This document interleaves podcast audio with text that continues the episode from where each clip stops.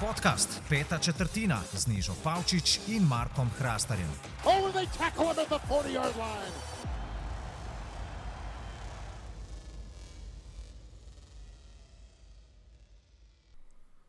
Drage poslušalke, dragi poslušalci, dobrodošli v jubilejni okrogli 20. epizodi podcasta Peta četrtina.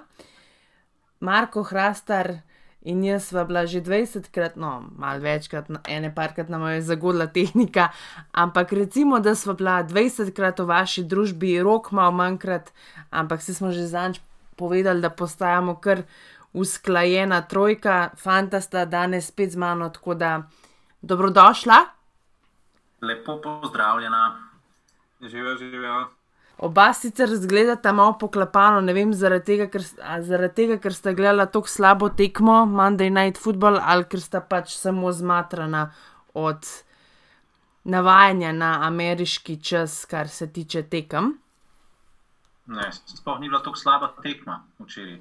Mislim, glede na to, da smo petič delali Bearse, je bila to mogoče celo njihova najboljša tekma, ki so jo delali, a ne rok. Ja, po tistem, kar je bilo prejšnji teden, so, čaki, prejšnji teden so bili s Titansi. Ja, Te, mislim, testo je bilo, testo je bilo za žile rezati. No, tisto je bil um, plesnivi sir.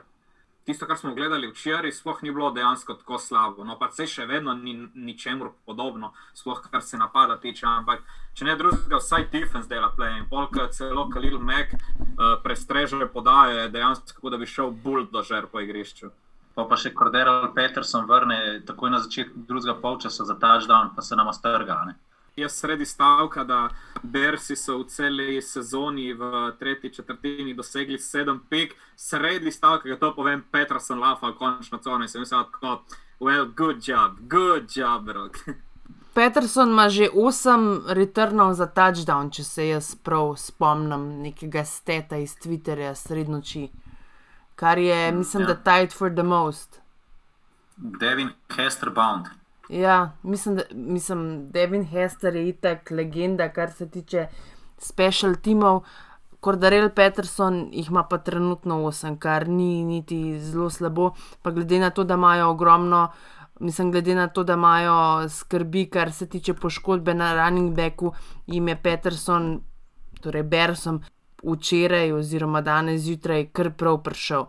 Je pa res, da je še vedno pač glavna napaka Bersov napad. In glede na to, da je Nick Foles baje načet, kaj vidva pričakujeta, da se bo v Week 12 zgodil, glede na to, da zdaj ta teden Bers počivajo, ker imajo pač Frey teden, potem se pa vračajo naslednji teden, to je tisti Thanksgiving Week, kjer spet igrajo vse ekipe, torej so tri tekme v četrtek. Kaj pričakujete takrat od Bersov, da bo dobo za centrom? Ne pričakujemo čist nič, da se bo spremenil, napad bo še zmeraj smrdel. Edina stvar, ki se bo nazaj menjala, je to, da Bill Laser ne bo več klical akcij, ampak se bo to nazaj preselil v domeno Meta Negija. Ampak učinkovitost se pa ne bo čist nič spremenila, spet bojo ostali pod 20 pikami, spet se bo posiljeval Corderala Petersna do Amena, kar tudi analitiki v ZDA opažajo, da je pač Met Negi očitno zacopan v Corderala Petersona. Če se bo Montgomery vrnil, se mogoče to lahko malo spremeni, ampak še zmeraj pa videli smo tukaj, da edina stvar, ki je vredna 5D Zemfa, pa Chicago je obramba, ta je pa res zelo dobra. Ne? Tako da Rockwan Smith, Halil Mack, predvsem pa Akim Hicks mora skrbeti. Poškodba Akima Hicksa mora skrbeti Chicago, ne toliko Falls, ker je čisto vse, ali za centrom Falls, ali za centrom Bray, ali za centrom Trubiski, ker je, da ne bi se čez dva tedna že Trubiski to pozdravil, da ne bi celo on lahko igral, ker Falls, ne vem, če ste kaj brali, ampak sploh ni tok načet. Pa ni bila rama problem, kot smo videli na koncu tekme z rokom, ampak je bil problem Bog. Ja, se, jaz sem isto bral, da naj bi Falls bil ok, in glede na to, da imajo zdaj oni prostih, ne vem kaj, 10-11 dni. In pride to vse skupaj še toliko bolj prav. Je pa res, in tukaj bi se strinjal z Markotom, da njih mora najbolj eh, skrbeti, kaj se dogaja z Kimom Hicksom, ker če bo on odsoten dlje časa, pol, pol, mislim, že tako sem jaz mnenja, da so, kar sem povdaril že skozi vem, prvo moje svoje epizode, ker sem bil del tega podcasta, da so pač Bersi navadni prevaranti. uh, ki jim ne gre zaupati, je pač njihova sezona, če je Kim Hicks končan, je pač njihova sezona končana. Zaradi tega, ker vse, kar se dogaja pri Bersih, je to, da lahko ustvarijo, kar se tiče D-line, takojšen pritisk. Ah, Kim Hicks ni samo odličen pes, rašer, ampak je tudi odličen run stopper.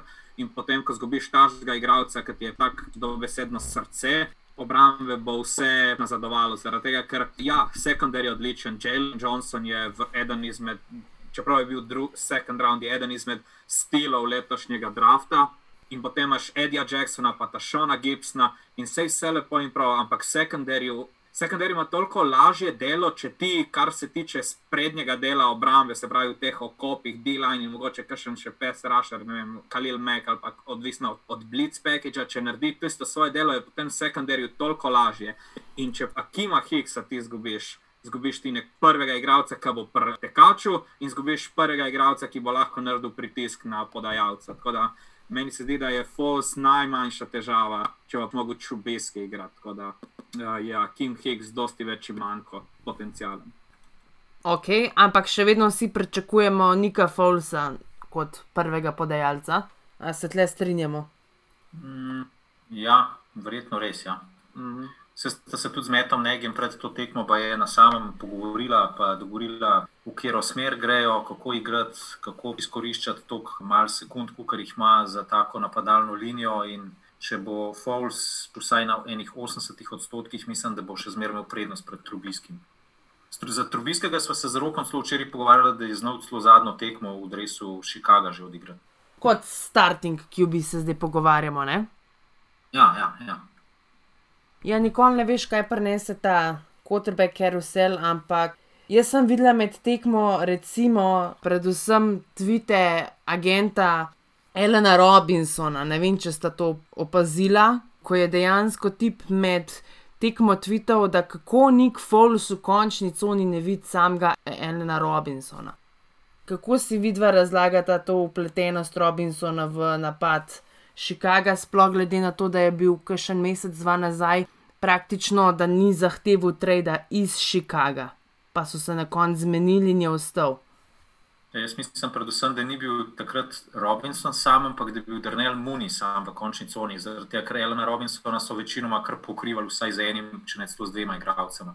Mi je pa zanimivo, da Ellen Robinson ni več pač tako zaskrbljen, kot je bil v prvih treh tednih. Tudi za medije je povedal, da je to pusto za sabo in da gre naprej. In tudi pol potekmi je tvitnil, če si opazila, da ne glede na to, kako, koliko imajo zmag, kako igrajo, da bo zmeri probo zmagati.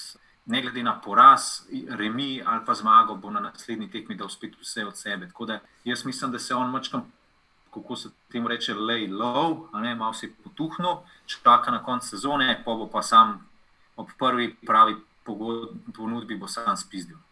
Veš kaj, Ellen Robinson je vendarle v tem tako imenovanem contract periodu, če mu Bersi ne ponudijo, kar se je tudi debatiralo potem med samim prenosom, ne ponudijo pogodbe, ker imajo itak sami težave s cap spaceom, tudi salary cap posamezne ekipe se bo zmanjšal za ne vem, približno 25 milijonov iz 2020 v 2021. Tako da tudi slab čas je, da si free agent v 2021. Zaradi tega so vsi tako hiteli dobiti to pogodbo še letos, oziroma med letošnjo sezono in ne vem, Dalvin, Cook, Keenan Allen in vsi podobni igravci. Mene ne bi čudilo, da po letošnji sezoni tudi Allen Robinson gre.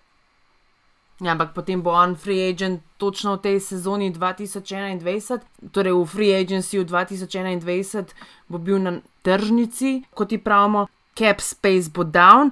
Jaz pa mislim, da se Jelen Robinson ne zasluži take pogodbe kot recimo tiste nedvomne številke ena v ligi med lovilci. Ne, se ne govorimo o takih pogodbah. Dejstvo je, da Ellen Robinson je 17. najbolje plačan wide receiver in mene ne bo noben preprečil, da je Ellen Robinson da je primerno plačen, glede na lestvico, ki je je splačal. Težko me boš prepričal, da obstaja v ligi, ne vem, ajde mogoče 8, 9, ja, ampak potem, ko govorimo o številkah 10, 11, da je 10, 11 receiverjev boljših od Elena Robinsona. Elena Robinsona sploh nismo imeli priložnosti videti v neki kompetentni ekipi z podajalcem, ki ga lahko najde spodajo. Človek je imel v svoji karieri, imel je Bortlesa, imel je Čubiskija in imel je Fosa. Povej mi, kateri. To je primerljivo s tem, kar je imel Hopkins v Houstonu, preden je prišel Dešon. Tako da Elena Robinsona, kaj dejansko on je sposoben po bolanih uh, predstavah na Penn Stateu, dejansko sploh videti, če se on sposoben. In se mi zdi, da on, če pride v neko zdravo sredino, tako z glave, ne vem točno, kam bi ga samo vrstil, ker ne poznam na pamet številk posameznih ekip, ampak da on pride z nekim. Kaj jaz vem, recimo, meni bi bilo idealno, da pride on v Cincinnati pa zamenja AJ Greena. Meni se zdi, da bi bilo to tako bolano videti, ampak pa zdaj spet odvisno, kje bo on končal. Meni se pa zdi, da je Elena Robinsona v celotnem obsegu nismo še videli. In lik zaradi tega se mi zdi, da je primerno in da so, bodo ekipe pripravljene, ne bom recimo nekoliko tvegati, ker konc koncev Ellen Robinson ima svojih 27 let, da mu dajo tisti denar, ki ga želi. In sigurno si zasluži, govorim, vem, 16-17 milijonov na sezono. Ja, nisem jaz zdaj hodila, da izpade tako, da jaz mislim, da je Ellen Robinson slab. In se čist strinjam, da je treba tudi pogledati in mu dati nekaj časa, oziroma mu dati možnost, da pokaže, če se je sposoben, če mu daš nekega primernega, solidnega kotrbeka. Omenil si Cincinnati, mislim, da je imel Alan Robinson, preden je, ne, to je bil pa Jimmy Graham.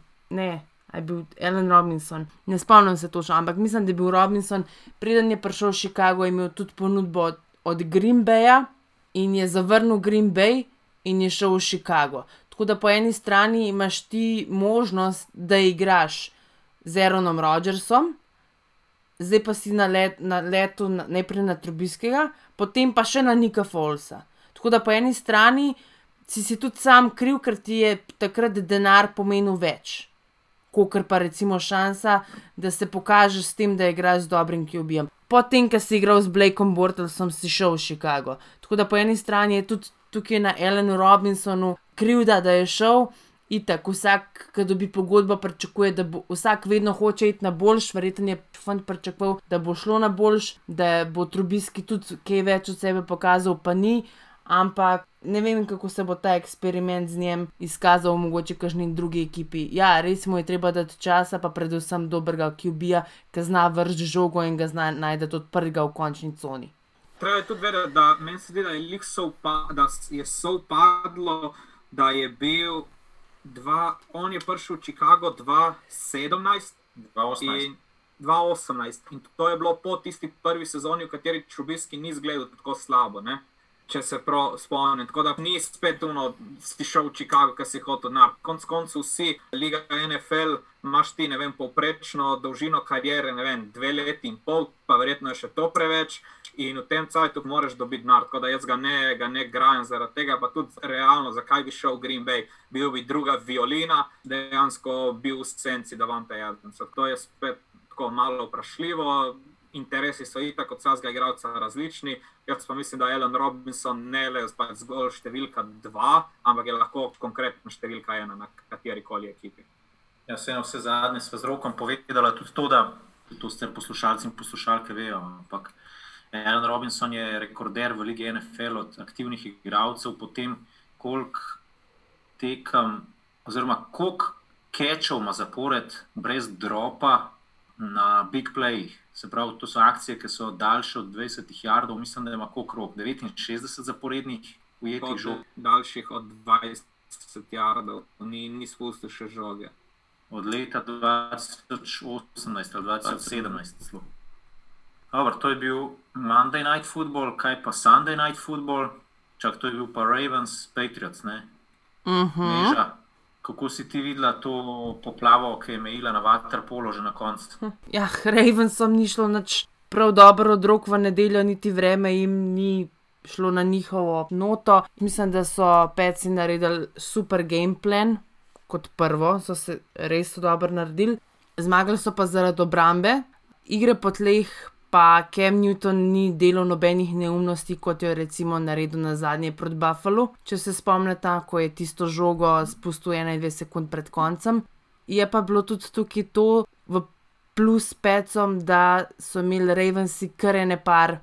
Poškodb, recimo Ronnie Steli je končal sezono, pa potem Kalaja Campbella ni bilo in še nekaterih, ampak so pa res nadzorovali peci igro po tleh, celotno tekmo In tako, če pomislimo, kdo je na zadnje, recimo, znal ustaviti Ravense z igro po tleh, se lahko spomnimo lanske tekme v playoffu med Tennessee Titansi in Baltimore Ravensi. Zdaj, da je to nek kriptonit Ravensov, je to še po mojem ful prezgodaj reči, ampak če se spomnite, so tudi Titansi lani ustavili Ravense s tekom. Sicer so jih imeli oni, mislim, da več kot 200, ok, peci so jih imeli zdaj približno 170. Damien Harris je igral kot čista številka ena, kadaj je prerojen.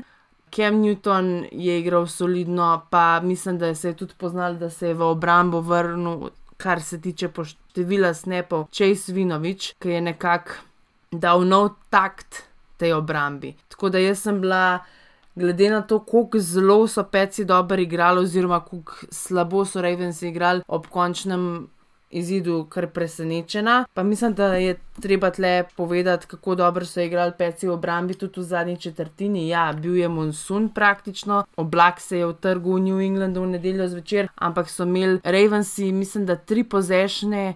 In v nobenem niso osvojili več kot 14 jardov, če se ne motim. Tudi Mene to jim je malo tukaj to, da imaš ti Lamarja Jacksona, ki ga že pač tri leta opevamo kot the next big thing, poleg Mahomesa, pa govorimo o rivalstvu. Pa, pa na taki tekmi, ki mačkan zazebe, pa mačkan začne pihati, pa mačkan začne dež padati, majster ne more v enem drivu prdati. Mislim, to je tako noro. Pa sploh ne vem, mislim, da so glavni igralci imeli vse in tega tam malega running backa, ki so ga letos draftali. J.K. in Dobbins. Prosim? Dobinsa. Dobbins, ja, J.K. Dobbins, pa Ingram, pa napadalna linija. Edini pomemben igralec, ki jim je manjkal, jim je manjkal v obrambi, se pravi Kalejs Campbell. In oni ne morejo sestaviti več kot 15 pik, mislim, to je meni noro. No? Se ne, ne da zdaj hočem povzdigovati uh, Mahomesa na piedestal, ampak my quarterback would never. Ne? Mislim, Mahomes tudi ga ne zanima, kakšno je vreme, odigra, kako odigra na svoj dober dan. Lamar Jackson pa letos ne vem, kam je eno, res tako, tudi ne sem ta vreme. Tudi na ostalih tekmah smo videli, da neki ne klikali najbolj. Prvo je Gilmore manjko, ne? Ja, pa Edelman. Pa recimo Ankil Harry ni imel nobene ujete podaje, ampak je bil tle zdaj kar uspešen v vlogi blokerja. Mislim, da so pa zelo. Majer sem se izkazal kot quarterback, sem videl. Ja, trikeri. Lušna, lušna akcija, ker je bil na NC State, on mislim, da je igral v srednji šoli in je bil quarterback Jacobi Myers. Ona dva sta, ko je Jacobi Myers hodil še v srednjo šolo, sta s Kemom veliko igrala skupaj, trenirala, ker je bil pač Kem takrat v Severni Karolini, tako da se ona dva še od tam razumeta in nekako sta tudi tako off-field do, dobra prijatelja že tako dolgo, tako da to tudi nekako pojasne to, da Kem velikrat išče Majersa na igrišču. Ja, sej, sem, to sem tudi nekje prebral, ja, da sta skupaj vadila, ki je bil še na srednji šoli. Drugač pa zdaj dve zaporedni zmagi za Patriots.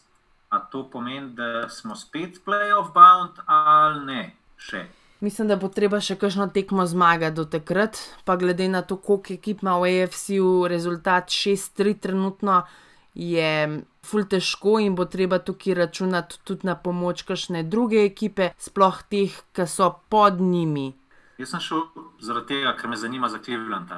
Mi imamo zdaj 6-3, mislim, da pet ekip. 6-3 imajo Colts, 6-3 imajo Titans, 6-3 ima Miami Dolphins, 6-3 imajo Browns, 6-3 imajo Raiders, sedem ekip imamo, ki imajo 6-3. In sem šel za vse te ekipe, od ene do druge tekme, iz tedna v teden pogledati, kje so realne zmage, kje pa nerealne. In pri vseh, z izjemo Raiders, sem naštel, da bojo 10-6 ali boljš. Se pravi, mi bomo imeli tako klanje za una preostala tri mesta, ki vodijo v končnico izmed tistih ekip, ki niso bile prve v diviziji, ker pač predvidevam, da bojo Bilsi v svoji diviziji prvi, Miami bo pač drugi lovil tisto, tisti spot v playoffu. Tam v AFC Zahod bo itak Kansas prvi in bo potem uh, Oakland probo pridati na drugo, mislim, prek drugega mesta v diviziji v končnico, samim ne bo ratal, vsaj po moje ne, to bojo 9 proti 7. Ravens, po moje, ipak na koncu si pejte tudi njihov urnik pogledati, bojo vsaj 12 ali pa 11. Pol bomo imeli pa zmago v diviziji AFC South za Colts, Titans bodo imeli pa recimo skupaj z Browns, pa Dolphins 10-6. In pol se bo pa tukaj pod nekimi tiebreakerji odločil, kdo gre v končnico in kdo ne. In gladko se bo zgodilo, da ekipe z 10-6 ne bojo šle v playoff. Ja, medtem ko recimo v konferenci NFC, pa po tisti šesti uh, ekipi, kar bi bil recimo ta, ta star format, lahko narediš črto, odrežeš in imaš dejansko one ekipe, ki so tako dejansko imajo neke šanse, ki narediti tudi, če pridejo v playoff, vse ostalo je pa bože pomozi. Nekaj imaš ti Saints, 7-2, Packers, 7-2. Buccaneers 7-3, Cardinals 6-3, Rams 6-3 in Seahawks 6-3. In potlej odrežeš in imaš Berse 5-5, ki znajo tako, kot izgledajo do konca sezone, biti 5-11, 6-10. Pa imaš ti Vikingse, ki ajde, recimo, imajo recimo, v redu spored, pa bi znali obrniti celotno stvar. In potem imaš Lionse, ki so tako, ok, Ampak Lionsi so tako, da ne veš točno, kaj boš dobil od posamezne tekme. Oni so vodili proti nam, mislim, da 24-3 in na koncu zmagali v zadnji sekundi zaradi Prejterja. Uh, potem imaš 49ers, ki jih vsak teden jih je manj na treningih, imaš Eagles, ki so gubili proti Giantsom in pa ve to dovolj, jih toliko kot v Washingtonu, imaš, imaš Atlanto, ki je bolj tako, oh, kje je tisti Super Bowl imaš Panthers, za katere še prezgodaj, da bi bili dejansko konkurenčni, in pol imaš Dallas, ki se jim je zaključila sezona po poškodbi Deka. Pa že prej je bilo vprašljivo, da bojo karkoli naredili, ampak recimo vsaj divizijo bi dobili. Tistih šest ekip je res top, potem bojo prišli kazen. Ne vem, zdaj dejansko imajo šanse še celo Giantsi. Ne vem, je tako dan in noč, kar se tiče konkurenčnosti konferenc v Ligi. Ne, rok, da mi sam povej, na koncu je Sir Prejter zalivadil iz 57, 59, ja, 59. Ja, no, okay, ampak zakaj se je po Twitterju pisalo nekaj, da je Chase Young zajebil, pa da se bo iz te napake naučil? Kaj je bilo na robe to? Ma, fora je bila zaradi tega, ker oni so bili tako na meji. In potem je Stafford vrgel žogo, falil podajo, in Chase Young je, pr, je, je bil zafrustriran, logično, majster je vse ne da upravičuje. Ampak, ko, recimo, da lahko nek perspektiv postavim, ki je bil zafrustriran celo tekmo, ni prišel do seka, so ga double team ali mislim, da v eni.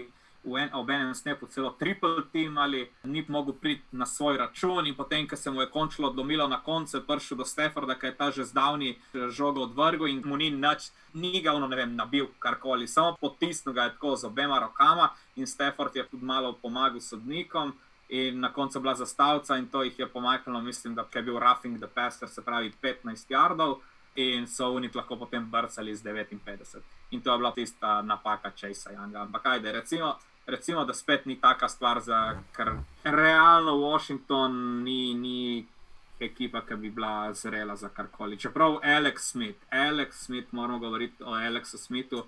Alex Smith je že s tem, da je včeraj začel, oziroma ta vikend začel tekmo, po, mislim, da ne vem točno, kakšna je cifra, ampak več kot 700 dneh, ne, ali smo videli nekih 730, 760, ne vem karkoli.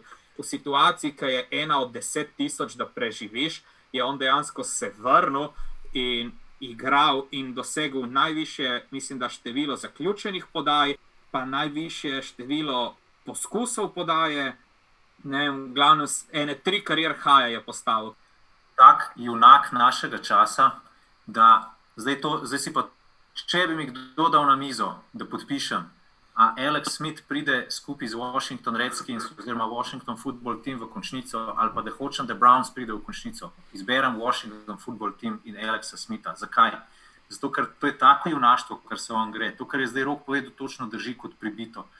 On sploh ne meče več race, on meče normalno spiralo, kot vsi ostali kotrbeki. On meče dolge žoge, on meče on, on je na stari ravni, tako da se mu sploh nič ni zgodil. Njega podrejo, tako kot bager, obrambni igravci Detroita, in on se malo trese zemljo, travo od sebe in ustane in gre naprej dalje, kot da ni bilo nič. On je sposoben očitno res tudi na najvišji ravni igrati nogomet. In glede na to gnilo divizijo, pismo jaz ne bi dvakrat rekel, da bi mogoče celo Washington lahko prišel v končnico, ker oni zaostajajo kaj, eno zmago za prvo vršenje. Ja. In jaz res Washingtonu od srca prvoščam, samo zaradi Alexa Smitha. Če ne bi bilo nobenega, če bi bil same smrade v ekipi, če bi bil Antonija Brauna, Karima Hanta, največje zapornike noter. Jaz bi še zmeraj Aleksu Smithu prvoščil, da pride on z Washingtonom v končnici. Mislim, da je tudi Šefter ali je Repoport, eden od teh dveh je, je tweetnul, kao, da je že s, s tem samim prvim startom, da je to comeback player of the year. Vse lepo, imamo verjetno kakšne druge kandidate, ne vem, Big Ben ima ekipo 9-0, ampak dejansko celotna zgodba te vrnitve, se mi zdi, da je, ne vem, toliko, ko smo govorili o njej, toliko, ko govorijo vsi ostali mediji o njej, mislim, da se še premalo govori. Zaradi tega, ker v taki situaciji, ko je bil Alex Smith, ne samo, da je preživel, ne samo, da se je, da dejansko se je vrnil, ampak skozi kaj vse je človek mogel iti. Skozi kakšno situacijo, ne vem, psihične težave, una bakterija mu je, mnogo mu je odžirala. Vse skupaj je ki daš potem neko večjo sliko, ki pogledaš. Ni samo to, da se je on vrnil v življenje, ampak to, da se je vrnil v ligo NFL, najzahtevnejšo ligo, kar se ameriškega nogometa tiče, ni to, ne vem, XFL ali karkoli, da bi recimo lahko rekel, ne vem, še vedno mi je všeč nogomet, bi ga igral. On dejansko igra in ima ekipo, ki roko na srce, kar razen obrambe, kar se tiče v napadu, ki ga potem diktira, ni podobna ničemur. In da drži to ekipo v kar se koli smešno sliši v lovu za končnico. Mislim, meni je to nekaj res fascinantnega. Ne najdem pravih besed, da bi to opisal, koliko je to vse skupaj. Vem, dejansko fascinantno, kako se je vse skupaj tako odvilo, tako da res Alex Smith, heroj, that's my quarterback. Smo želeli pri diviziji NFC East, da imamo sustav še mačkan v Filadelfiji. Zdaj uh, širijo se neke govorice o tem, da se je v slačilnici zgodilo to, da so rekli, fanti, gospodine Pedersen, uh, stvarno zaslužujete ovo prezime, kaj niža. Ja, neke govorice so začele, da nima več take avtoritete, kot jo je imel. Kot da ni več leadership samo na njem, ampak so se mu začeli upirati. Zdaj, verjetno je to rezultat tega, kakršna ekipa je v zadnjem času in to se tudi vidi po tem, kar kaže na igrišču, ker ta tekma proti Giantsom je bila porazna. Ti, glede na to, kaj pričakuješ od sezone pred sezono, pa kako se tvoja divizija obrača med samo sezono in da si edini. Pravi možni zmagovalec, oziroma bi moral biti pravi možni zmagovalec, sorry, Gregorič, ampak tako je da si ti prevoščaš blamaža proti taki ekipi, kot so New York Giants, ki bojo imeli spet, predvidevam, pik v top 5, če ne bojo prišli v končnico, ali pa recimo top 8, že ne vem koliko zadnjih let. Pa predtem je recimo Daniel Jones, vse kar je premagal, je premagal Washington, nobene druge ekipe niso premagali. Tako da jaz mislim, da se v Filadelfiji, ukolikor se bojo porazi nadaljevali, nekaj resnega kuhano da ni več tako drimi, kot je bilo par sezon nazaj, ko so bili v Super Bowlu. Oni so bili tri leta nazaj, se, ja. zdaj pa so na pragu tega, da bodo v top 10 po draft pikih. Tako da tam res neki ne dela. Oziroma v Filadelfiji res neki ne štima, res pa je tudi to, da imajo oni zelo močne karakterje v garderobi, kot jih ima večina ekip, ampak že neka mentaliteta Eaglesov se meni zdi taka, vse od kar je Dishon Jackson prišel nazaj, da so tako. No. Hm, ni, preveč egotov je in če preglasujejo te egoti trenerja, se ne obeta nič dobrega. Gremo zaključiti tole zbirko nočnih tekem še s četrtkovim Thursday Night Footballom, ki ste ga tudi vidva delala. Zdaj sem se kot večina teh, ki spremljajo ligo NFL, ujela v klasično past, ker sem mislila, da bo to Tennessee dobil. Dobil je Indianapolis in to kar prepričljivo, ko sta vidva pospremljala to zmago Indija, ki mogoče potem, ko smo pogledali, niti ni bila tako prepričljiva ali pa šokantna, kakorkoli že se bi temu rekli. Ja, jaz sem napovedal zmago Titans na tistem najnem Twitter računu, udaril mim. Ne vem, nekako se mi je zdelo, da bo Derek Henry imel dosta eksplozivno tekmo. Mogoče ne le, da bo tam udaril 200 jardov, ampak če stopa, da bo uspel priti. Nekako sem računal na to, da bo imel Corey Davis izjemno tekmo s kakšnim touchdownom, glede na to, da mu je dan pred srečanjem umrl brat Titus.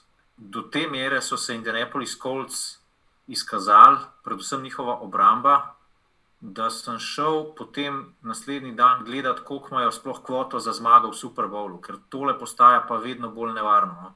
Filip Rivers igra sproščeno, obramba Cufa, obramba je na ravni Chicaga ali pa mogoče še boljši. Zdaj si pa predstavljaj, da imaš ti obrambo Chicaga ali pa neko podobno zadevo, potem ti pa še v napadu klikne in imaš ogromno opcij. Ne. To je pol ena čist druga zgodba. No. In Colts grejo za moje pojme gladko tukaj kot prvo vrščena ekipa iz divizije AFC South. Mislim, da se boste ekipi pol spet srečali Mačkan pred Božičem, tokrat v Indianapolisu, kjer spet pričakujem zmago podkov. Ampak bom predal besedo kar roku, no, ker če sem jaz sproduciral te slavospeve na račun Indianapolisa, mislim, da bo rok zadevo ponesel še na neko malce višjo raven. Izvoli, Gregori. Spet ne bom toliko, mislim, se bi lahko spet povedal, da sem jaz kolce videl kot zmagovalce te divizije, pa se da sem jih napovedal. Tako. Ampak ne, jaz sem isto pred srečanjem Trtkovin, ki so se dobila na sportklubu, sem pričakoval bolj izenačeno, ko je bilo vse skupaj. Nekaj se je moglo zgoditi, ali, Henry, ali se Henrija zaustavi, ker je Henry bil kaj number two po jardih potleh, obramba proti teku Indianapolisa izvrstna. Tako da nek, nekaj se je moglo zgoditi, nekaj je moglo početi, in v bistvu se ni zgodilo ne eno, ne drugo. Obramba Indianapolisa je sicer dovolila nekaj jardov, mislim, da je imel Henry potem 103, kar mislim. Je dobra tekma, sicer ne po njegovih standardih, ampak ja, dobra tekma. Nasploh, kako dobro deluje obramba Indianapolisa. Vsi govorijo o Antonu Winfieldu, ampak treba se začeti pogovarjati o Julianu Blackmanu. Ta mali je pa tako dober ta mali je pa tako, tako dober, da mislim, še enkrat več fantastično delo kolcev, kar se front office tiče, general managerja tiče, kakšen draft so imeli, če samo tako dva, kar recimo prva, pa ne dva, recimo tri, Jonathan Taylor, Michael Pittman, uh, pa tale Julian Blackman. Mislim, to so trije starteri na kateri koli ekipi, verjetno v Ligi NFL, razen ne vem, recimo Jonathan Taylor, kaj zem na Brownsih. Ampak to so trije mladi igravci, s katerimi lahko ti si konkurenčen že v svoji prvi sezoni. Michael Pittman se je končno vrnil in zdaj dva tedna zaporedoma mislim, da je imel prek 100 jardov oziroma vsaj nekje blizu in to sta to sta obrambi, ki spet nista tako, da jih kar odpišeš. To je bilo proti Ravensom in to je bilo proti Taj. In dejansko vse skupaj ni, ni za odpisati. Mali, mali je res dober, meni je on zelo simpatičen, ima tudi en full dober YouTube kanal, pa, s katerim te popelje v ozadje življenja igralcev lige NFL. Priporočam za tiste, ki vas to zanima. Je pa res, kako si ti omenil, ko obramba igra tako dobro potem v napadu ti dejansko ne rabiš imeti nekih fantastičnih, dihjemajočih akcij in tudi. Indianapolis ne pričakuje tega od Riversa, ker se mi zdi, da, se on, da se oni zavedajo točno, kaj je njihova identiteta, da to ne bo, ne vem, ala Patrick Mahomes, da se boš ti razbacal v 40-50 jardov, ker po mojem tudi Filip Rivers ne more več to. In vse, kar rabiš, je, da si ti z nekim ground, ground gameom, kam imaš ti res trio vrhunskih tekačev, ti lahko in tečejo in lovijo, se pravi Jonathan Taylor, Jordan Wilkins, pa Nahim Heinz, in dejansko ne več s čim te bojo udarili. Ker ni to, recimo, um, kaj jaz vem, da imaš ti tekače, ki veš, kupr Tennessee. Če je Henry v igri, on lahko samo teče, on te ne more raniti ali kakorkoli. V igri po zraku. Tleti pa lahko vsak od teh treh tekačev in ti dejansko lahko iz iste formacije odigraš pet, šest različnih plejev In ko se obramba preveč fokusira vem, na igro po tleh, daš ti noter Heinza in ti bo ujel podajo za touchdown, ko se mi zdi, da je pač v četrtek dve celo. Ni nek flashy napad, ampak je dejansko je zelo učinkovit. In kot sem rekel, Indianapolis ne pričakuje preveč od Riversa, ne zahtevajo nekih flashy akcij, ampak Rivers dejansko tisto zadnjo sezono v Los Angelesu. Pri Chargersih smo vsi rekli, da to ne bo dobro, predvsem vem, da Marko je bil pred sezono da mu, da mu fulni všeč ta move Riversa v Indianapolis, ki so se, mislim, da pogovarjala pred sezono. Tudi zaradi tega, ker recimo, jaz sem imel dvom zgolj zaradi tega, ker recimo Rivers je začel metati interception tako po tekočem traku. Mislim, da jih je imel celo več kot 15 v lanski sezoni, da je bila cifra blizu 20. Klej pa dejansko dosti bolj skrben žogo, zaradi tega, ker se ne pričakuje, da bo, kot sem rekel, se razmetavil, ampak je naredi svojo, svoje delo, opravi ga natančno, ne, ne zapravlja jok in to je to. In Indianapolis deluje zelo, zelo dobro. V napadu naredijo svoje, obramba je itak vrhunska in kar je meni še v neko večje zadovoljstvo, to so igralci, ki so v svoji prvi, drugi, mogoče tretji sezoni.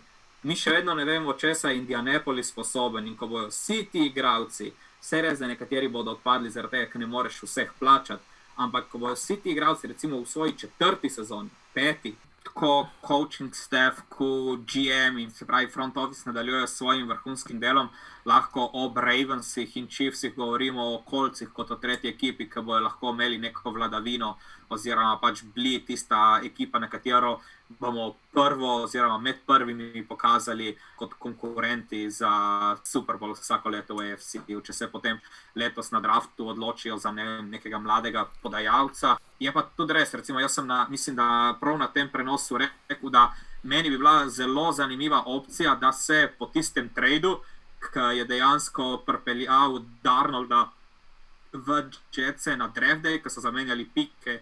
Kolci in uh, Jetsi, da bi se dejansko sem darno preselil v Indianapolis. In meni je to zelo zanimiva ideja. In kot nekdo, ki še vedno verjame vsem od Darnolda in ni obupu nad njim, kot verjetno so v New Yorku, mislim, da bi sem Darnold v istem napadu s tako verjetno top 3 napadalno linijo v ligi.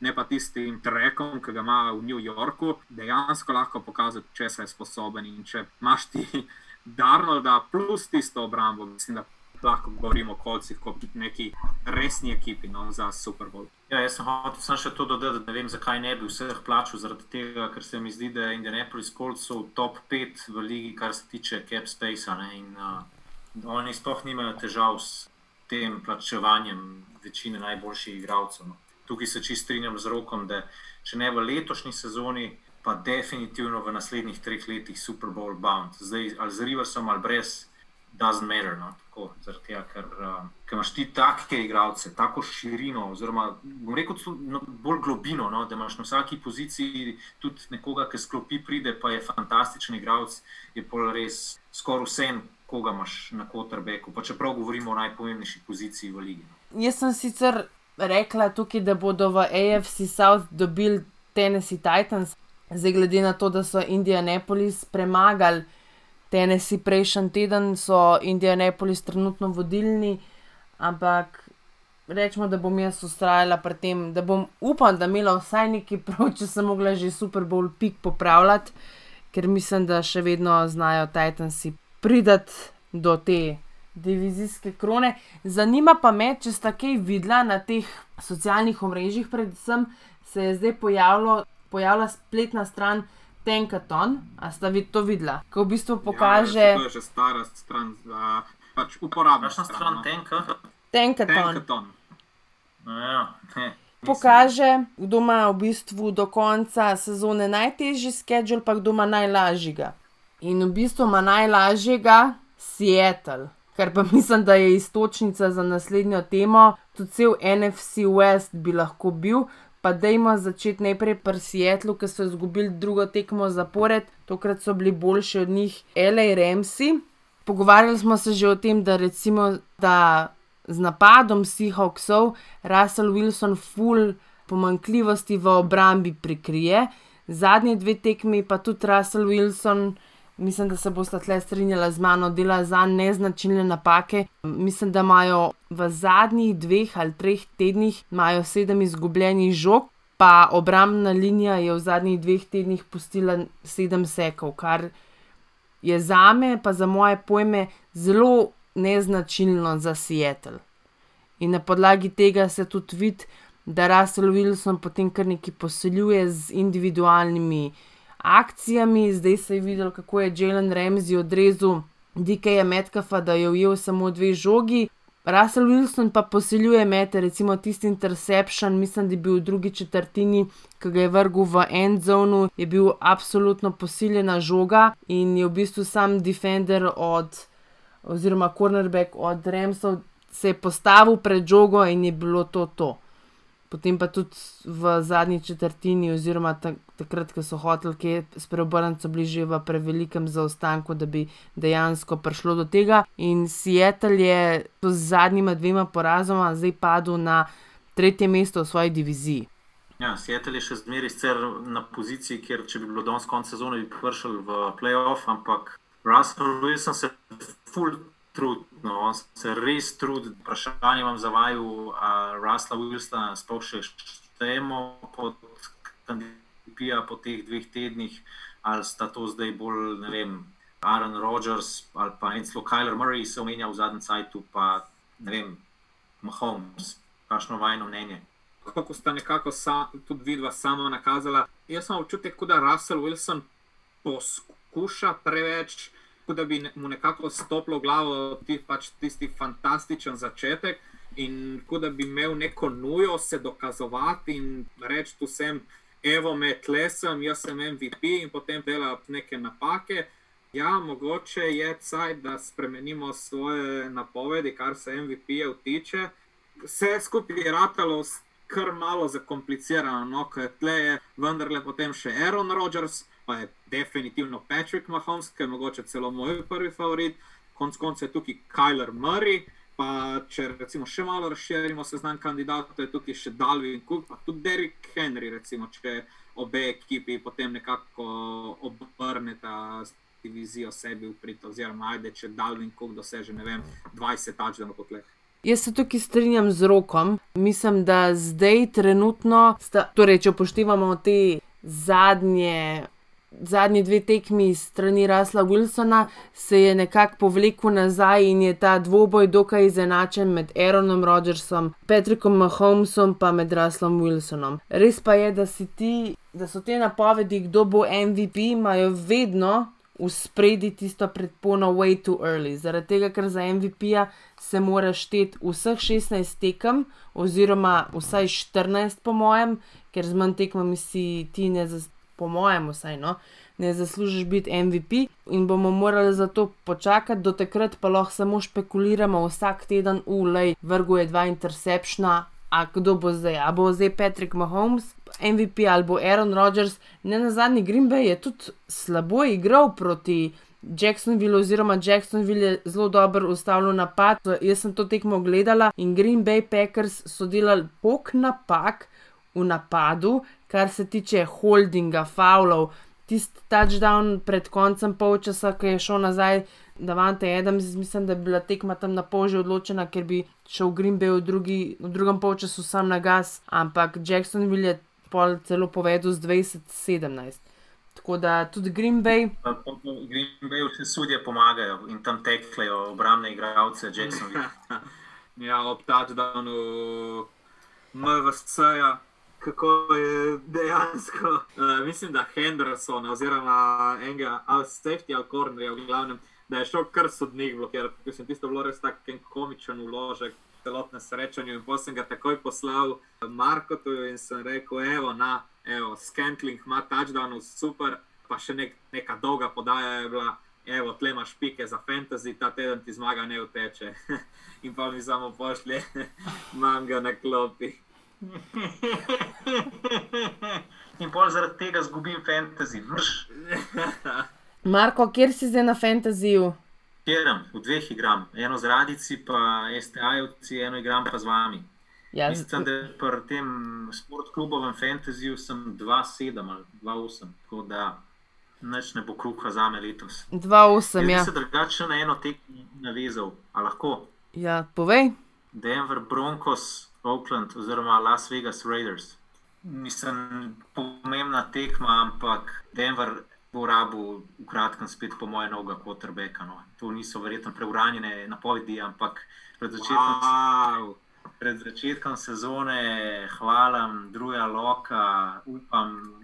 Napovedujem, kaj bo s tem, da s to ekipo Denverja, kako grejo letos po končnici, kako bodo celo konkurirali Kansas City za prvo mesto v diviziji, seveda še na krilih tega, da je Von Miller zdrav, potem se pa Von Miller frderba, ampak pustimo to. Denver je katastrofa. Drulok je vrgel štiri intercepšne, štiri intercepšne, štiri. In ne take intercepcije, da bi tako bil deflected, da bi se kdorkoli dotaknil, da bi bil ne vem koliko pod pritiskom. Imaš še to dosti cajta, direkt v roke sekundarju, sramota. Mislim, človek, zakaj ti plešaš po zmagi, kva imaš ti za plesati, sploh itak imate negativno bilanco, kaj se veseliš, a si kaj naredil v ligi, nič nisi naredil. Denver je izpal kot žvačka s tem porazom proti Oaklandu, oziroma Las Vegasu. Las Vegas pa z lepimi aspiracijami za končnico, še posebej, če bi jim ratali še drugič šokirati Kansas City, čeprav sam v tolih ne verjamem. No. Ampak zdaj v tem tednu, ki prihaja Grudem proti Redu, drugo dejanje. Eno izmed presenečenj, no pozitivnih je Las Vegas v tej sezoni. Ja, jaz se kar s tabo strinjam, kar se tiče tega Las Vegasa, ampak mislim, da če bi še drugič uspel premagati Kansas City, bi bilo to absolutno prvovrstno presenečenje. Ne bi pa bilo, po mojem, tako presenečenje, če bi Arizona v četrtek premagala Seattle, glede na to, da smo se skoraj eno uro izogibali temu obvious faktu, da je bila, po mojem, to tekma tedna, Arizona Buffalo. Mor, ja, verjetno zaradi finiša. No? To je bil verjetno poleg vrnitve Aleksa Smitha največji, mislim, tako, največji moment, naj, dejansko trenutek tedna, no, trenutek vikenda, ker tisto, kar je naredil Hopkins na koncu tekme. Mislim, eno je Hail Mary, pa se potem ne vem, žoga odbije. Pa potem, ali pa recimo tisto, kar je bilo potem v Divisionalu, Packers, Giants, par let nazaj, ki je kot na koncu polčasa ujel, na koncu Hopkins je ujel med tremi igravci. On uno, he had no business, razumeš, da je tisto žogo ujel. Je bil Tredavious White, pa še ne vem, še dva igralca sta bila zraven, nisem točno videl, katera dva. Pojer. Ja, in potem, da ujameš tako žogo, ma to je prav uno, prav sprda se vse, vseh, ki ga lahko pokrivajo. In potem sem se tudi pogovarjala, jaz bi mogoče Hopkinsa trenutno postavil, mislim, da sem ga celo pred sezono postavil za najboljšega uh, lovilca v ligi in da je debata ne več Julio Jones ali vem, Michael Thomas, ampak je debata Michael DeAndre Hopkins ali pa Devante Adams. Ja, res je, res je. Devante Adams pa Nuk, to je vprašanje zdaj, samo še v ligi v letošnji sezoni. No, če, če trenutno gledamo zadeve, jaz tudi rekel, da je med tema dvema igralcema, je pa ne vem, no, Hopkins žoga, če ima lahko žogo, jo ujame, če ima težko žogo, jo ujame, če ima dolgo žogo, jo ujame. Pri Adamsu imamo pa vse mogoče, sem pa tja kakšen drop. Sem živo gledal to tekmo med Buffalo in Arizono in moram reči, da takrat, ko se je to zgodilo, sem s svojim krikom skoraj sinkota zbudil. To je v bistvu tudi fantastična reklama za Air Jordan, blagovno znamko, ker ne vem, če ste opazili, ampak Hopkins, ki je lovil žogo, je imel rokavice z logotipom te košarkarske blagovne znamke. Neža, ti si zelo lepo opisala zadevo, da bi to sliko dala vem, na steno ali pa zelo obesla v muzej novejše zgodovine. Umoma, ja. Uh, jaz sem pri Hopkinsu že ene dve leti nazaj videl, da je mogoče res on najboljši. No, ker ima en tak bolan keč na, nek, na neko prime time tekmo, ki sem jo gledal, ker sem bil na medenih tednih in sem si rekel, bože, mili, kaj ta človek vse dela. No. In definitivno v debati za top 3, po tem tednu smo pa vsi na hajpani in ga bomo itak dali na prvo mesto. No, ker je tudi zelo, zelo, zelo samozavesten, kar moraš imeti ti v takih trenutkih, ki ti je bil ta Helmeri, je tudi ključnega pomena, da imaš ti sploh samozavest, da imaš ti jajca se sploh spraviti med tri igravce, pa jih to loviti, ker marsikdo bi itak pomislil, ah, se tega pa ne bom dobil, pa se sploh ne bi spravil v tako pozicijo. Ne. On je bil pa prepričan, jaz bom to žogo dobil, jaz grem gor, jaz, jaz bom prejel žogo in jo bom tudi potisnil na sebe. Svaka čast bilo O'Brienu, sarkastično. Ne. Kako se morajo, jaz mislim, da ne poznam nobenega, oziroma enega mehičana poznam, ki je Houston Texans fan, pa je valjda letos zelo tih na social mediji. Ampak kako točno se morajo, ko tako tekmo vidijo, ko tak finiš vidijo, kako točno se morajo počutiti fani Houston Texansov? What? Govorili smo, da je Billy O'Brien res ne more biti in GM in trener. To smo še jaz, pa ti, pa Tilano, še Marko govorili, že januarja lani. Pol dobesedno za pest arašidov greš tradat DeAndreja Hopkinsa v Arizono. Tako da tisti, ki je izsilil ta trade v Arizoni, vsakemu čast, in da je nategnil bila obrajena, da je tok malo dobu za Deandreja Hopkinsa. Po tej tekmi mislim, da ni človeka, ki me prepriča, da bilo obrajen ni sposoben, oziroma ni človeka, ki me prepriča, da je bilo obrajen sposoben biti GM ene ekipe. In kaj je Houston delal ta tri leta, ko je on bil, ko je on vodil dve taki funkcije v ekipi, katastrofa, sploh pa Houston Texans so.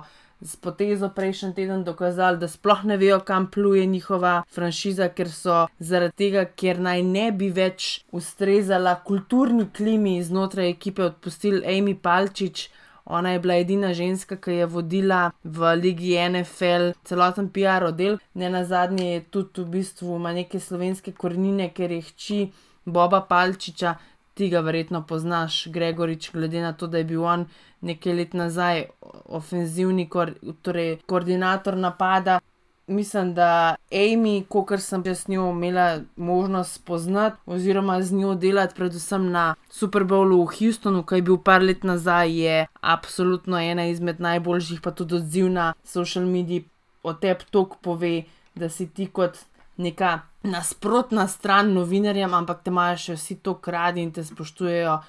Kar sem hodila še za Arizono povedati, je to, da je treba ne samo eh, podajo Deandreja Hopkinsa, torej ujeto žogo Deandreja Hopkinsa pogledati, ampak tudi kako je Kyler Murray vrgel to žogo, ker ko je on tekel proti levi strani, ker je desničar je v bistvu tekel na napačno stran. Ne? In se je v bistvu v tistem, ki je žogo vrgel več kot 50 jardov, se je šel brnu in vrgel in dejansko po tekmi, ki sta oba dala te izjave, je Kajler rekel, da je samo, rok se zdaj tle po bradi gladi, da je samo v končni coni iskal Diandre. In točno to, kar si ti prej rekel, Marko, Diandre je sam, hop, rok se gor, Air Jordan reklama in to je bilo to, all she wrote. Arizona je pa prva v najboljši diviziji v NFL-u. Zanimivi bo zadnjih sedem tednov. No? Ja, Drubris je poškodovan, nalomljena rebra, prebita pljuča kaj zdaj to pomeni za New Orleans, se bo vrnil do konca sezone, se vrne v končnici, če pridejo v končnico. Zdi se, da je poškodba od Brisa vseeno prehuda, da bi vem, v teh šestih tednih prišel nazaj. In zdaj, tako kot je lani dobil priložnost, uh, Teddy Bridgewater jo izkoristil in si priigral eno lepo pogodbo v Panthersih, je zdaj čas, da se James, ki je tudi na enoletni pogodbi kot backup Saintsov, izkaže, pokaže, da mogoče pa lihni mašina za metanje prestreženih podaj. Tako da bo zanimivo videti, vsekakor so eni plusi z Jamesom, se pravi, ima močnejšo roko od Brisa, sicer tudi bolj nenatančno. Tako da če bo imel 350 jardov za New Orleans, bo jih bo imel še 150 za Atlanto, ki smo zdaj igrali z njim prihodnji teden. Je pa New Orleans vseeno dovolj kompletna ekipa, da verjamem, da ne bojo spustili vozovnice za končnico. In ko do tja pridejo, je vseeno, po mojem, Drew Brees prvi kandidat za starterja, da po mojem, New Orleans bo ok. No. Mene se zanima samo še to, kaj mislite glede Tampe. Pa ne to glede njihove zmage v, proti Karolini, ampak bolj situacije z Antonijem Brownom. Neža, mogoče ti. Situacija z Antonijem Brownom. A to sta videla, kako mu je stopil v bran Des Bryant, da zakaj je to novica, da je spet razgrajal. Novica je zato, ker je Antonijo Brown leto pa pol nazaj polno medije s, takimi, s takim početjem in je tudi to zdaj novica in meni se to ne zdi nič tazga. Logično, da je bilo o tem objavljeno sploh zaradi tega, ker kaj se je z njim dogajalo že v prejšnjih letih. A je tam pa vedela to, prej ga je podpisala, verjetno ne na inzistiranje Toma Bradyja, kako pač to me zanima. Ker ti imaš veliko večji insight v zadeve, ki se tičejo tam, pa Bay Buccaneers. Jaz imam insight. Ja, po mojem, malo boljš kot jaz.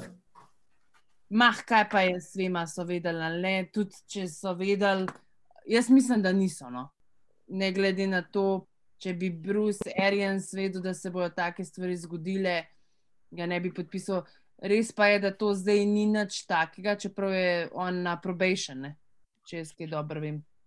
Vprašanje, kako dolgo bo to trajalo, no? tako če si iskreno. No, pa se itak zaenkrat je on bolj za okraske, pa za kaj drugega. Če gre sklepati po highlightsih, pol sta še zmeri Godwin, pa Evans prva lovilca. Ne?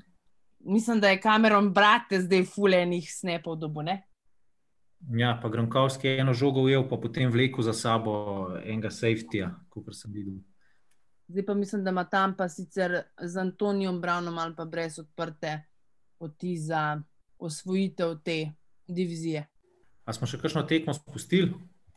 Mislim, da nismo, da imamo malo pogled, kaj nas čaka ta naslednji teden. In sicer v četrtek smo že rekli, Seattle, Arizona. Yep. Polje poslastica v nedeljo, Cleveland, Filadelfija. Let's agree to disagree. Um, dve dobri tekmi, znat, oziroma kar tri, no, po mojem. Ravens, Titans, Indianapolis, Green Bay, pa Las Vegas Raiders, Chiefs, potem pa v ponedeljek Tampa Bay, pa LRMs. Tako je na papirju lušne ekipice. Jaz, nažalost, še nisem dobil razporeda, tako da ne vem, kje, za katero tekmo smo pisana. Sem pa skoraj 100% da Thursday night je tokrat ne bova udarila, ker to bi pa najbrž že dobil na mail. Tako da bomo lepo iz četrtka na petek si budilko naštemali, pa malo prej odspali in pogledali to tekmo, ki bi znala že malo pokazati, kdo je kdo v diviziji NFC West, kot kandidat, seveda, za prvo mesto. Ne. Jaz mislim, da bo pa vsem tukaj Seattle uspel zmagati. Ja, vse tudi tista ta prvo tekmo so imeli praktično dobljeno, no. pa je potem Arizona prišla nazaj, pa pač dobila srečanje. Tako da, ja, meni se tudi zdi, čeprav če je Russell malo prav navzdol, pa tudi obramba. Koplje še globje, kot so bili, ampak se mi zdi, da ne vem. Vseeno mislim, da je Seattle še vedno tisti Big Brother, ki se lahko poigra z mlajšim, če pravi na tisti dan. No. Ja, odvisen, kako bojo igrali. Če bodo bili takšni, oziroma če bo Russell Wilson takšen, kot smo ga bili vajeni do week 8, bo ok. Če bo pa week 9, pa week 10 Russell, pa pa znajo Seattle Seahawks ten kop iskati. En fun fact glede Seattle. Jason Myers je na tekmi proti Rems postavil franchise record, kar se tiče dolžine zadelega prostega strela iz 61 jardov, je zalivadil. Pa, by the way, zdaj imamo situacijo, ki je pa končno tudi tista zadnji kiker, ki je bil perfekt do desetega tedna zgrešil. To je bil pa Sanders, kiker od Miami, ki je zgrešil prosti strel. In zdaj noben ni več 100%, glede field goalov in extra pointov. Ker do, do tega tedna je to bil pač Sanders. Ne? Mislim, da smo pokrili vse, kar je bilo za pokrit. Malo nam jo je tehnika zagodila, tako da se je tole zavlekel, ampak ok. Ja, ne, že naslednjič si malo boljši Wi-Fi zrihti. Imaš dovoljenje za prehajanje med občinami? Ti misliš, da sem jaz od včeraj? Ja, Vprašam za vsak slučaj, medva z rokom se lahko prosto gibljajo posod. In po dnevi, in po noči. Tudi jaz, Marko. Tako da je Janes Janša nam lahko sam rad pofafa. Dajmo pustiti politična prepričanja ob strani, prosim. No, poslušalci in poslušalke, uživajte v 11. tednu letošnje sezone in se slišmo naslednji teden. Čau! Čau!